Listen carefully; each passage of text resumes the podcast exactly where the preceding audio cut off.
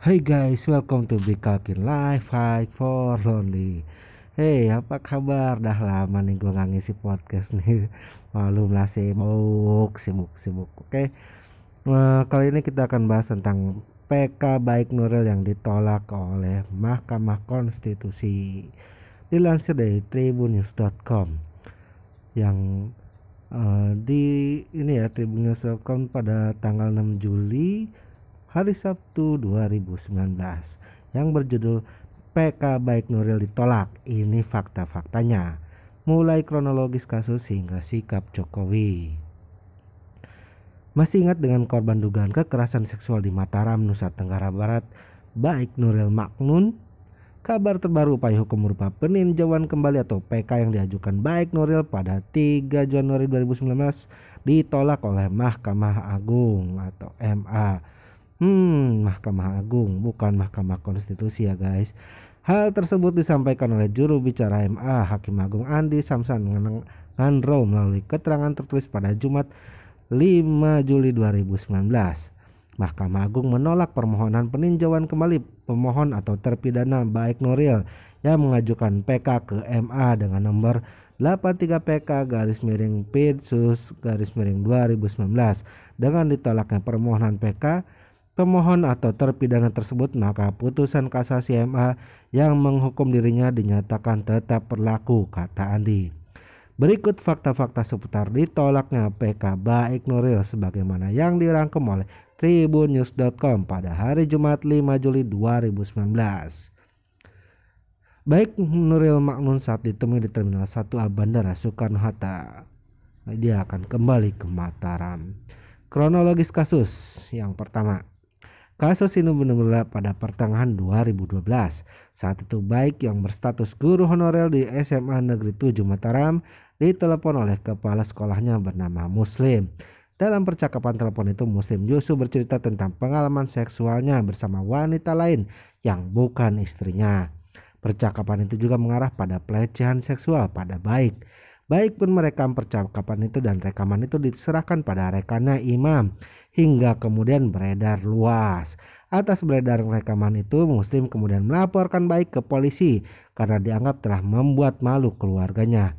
Di pengadilan negeri Mataram baik difonis bebas. Namun jaksa mengaduk, mengajukan banding hingga tingkat kasasi dan Mahkamah Agung memberi vonis hukuman 6 bulan penjara dan denda sebesar 500 juta rupiah karena dianggap melanggar Undang-Undang ITE. Namun Kejaksaan Agung memutuskan untuk menunda eksekusinya ke penjara. Kini dengan adanya penolakan PK membuat baik dihantui kembali segera dijebloskan ke dalam bui. Adapun tanggapan kuasa hukum, baik Joko Jumadi mengaku telah mendapat informasi bahwa PK kliennya ditolak oleh MA. Kami dapat informasi pada pagi tadi, tapi kami belum dapat salinan putusannya, kata Joko ketika dikonfirmasi pada hari Jumat 5 Juli 2019. Joko Jumadi mengatakan pihaknya akan tetap mengajukan amnesti bagi kliennya ke Presiden Jokowi. Kami dari kuasa hukum mendorong Presiden agar mengeluarkan amnesti untuk Nuril, katanya. Tim kuasa hukum melanjut Joko tengah mengupayakan agar amnesti bagi baik Nuril dikabulkan. Selanjutnya tak ambil opsi gerasi. Sebelumnya baik Nuril telah menyatakan tidak akan mempertimbangkan opsi untuk mengajukan gerasi kepada Presiden Jokowi. Hal itu lantaran secara prosedur Nuril diminta untuk mengakui perbuatannya telah mencemarkan nama baik mantan kepala SMA Negeri 7 Mataram yang bernama Muslim itu. Usulan agar Nuril mengajukan gerasi disampaikan oleh Presiden Jokowi di Lamongan, Jawa Timur pada November 2018 lalu. Langkah itu diamini oleh Direktur Eksekutif Organisasi Institut Criminal Justice for Reform atau ICGR, Anggara Suwahzu. Usulan Presiden Jokowi ke Tangerang jelas bertolak belakang dengan keinginan Nuril. Kalau Presiden mengusulkan agar mengajukan gerasi, maka itu sama saja meminta Nuril meminta maaf terlebih dahulu atas perbuatan yang tidak ia lakukan, lalu memohon pengampunan, kata Anggara. Sementara sejak awal ICJR justru mendorong agar mantan gubernur DKI Jakarta itu memberikan amnesti atau pengampunan murni. Dorongan agar Presiden Jokowi mengabulkan amnesti bagi baik Nuril muncul di media sosial. Sebuah petisi yang diinisiasi oleh Erasmus Napitupulu pada akhir November 2018 lalu. Rupanya direspon luas.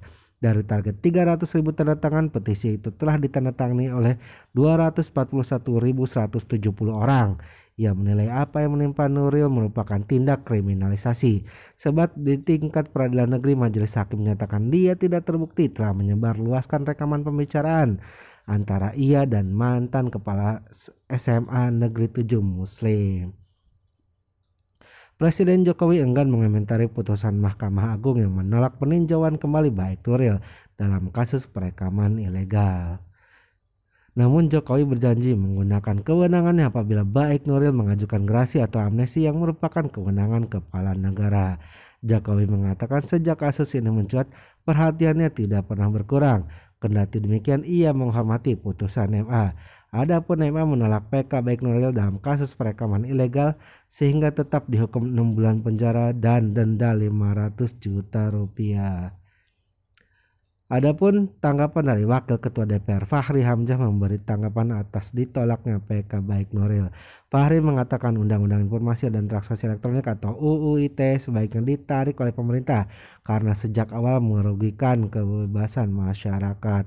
Menurut Fahri Hamzah, UU ITE menyebabkan masyarakat kesulitan untuk membela diri baik Nuril salah satunya kasus yaitu baik Nuril mengalami pelecehan seksual secara verbal oleh mantan kepala sekolah tempatnya bekerja tapi malah dia yang menjadi korban.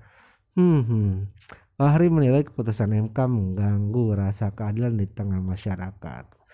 Begitulah guys uh, dilema hukum di Indonesia. Semoga ke depannya tidak terjadi lagi ya Oke, okay, see you. Jangan lupa like, subscribe, and share. Bye.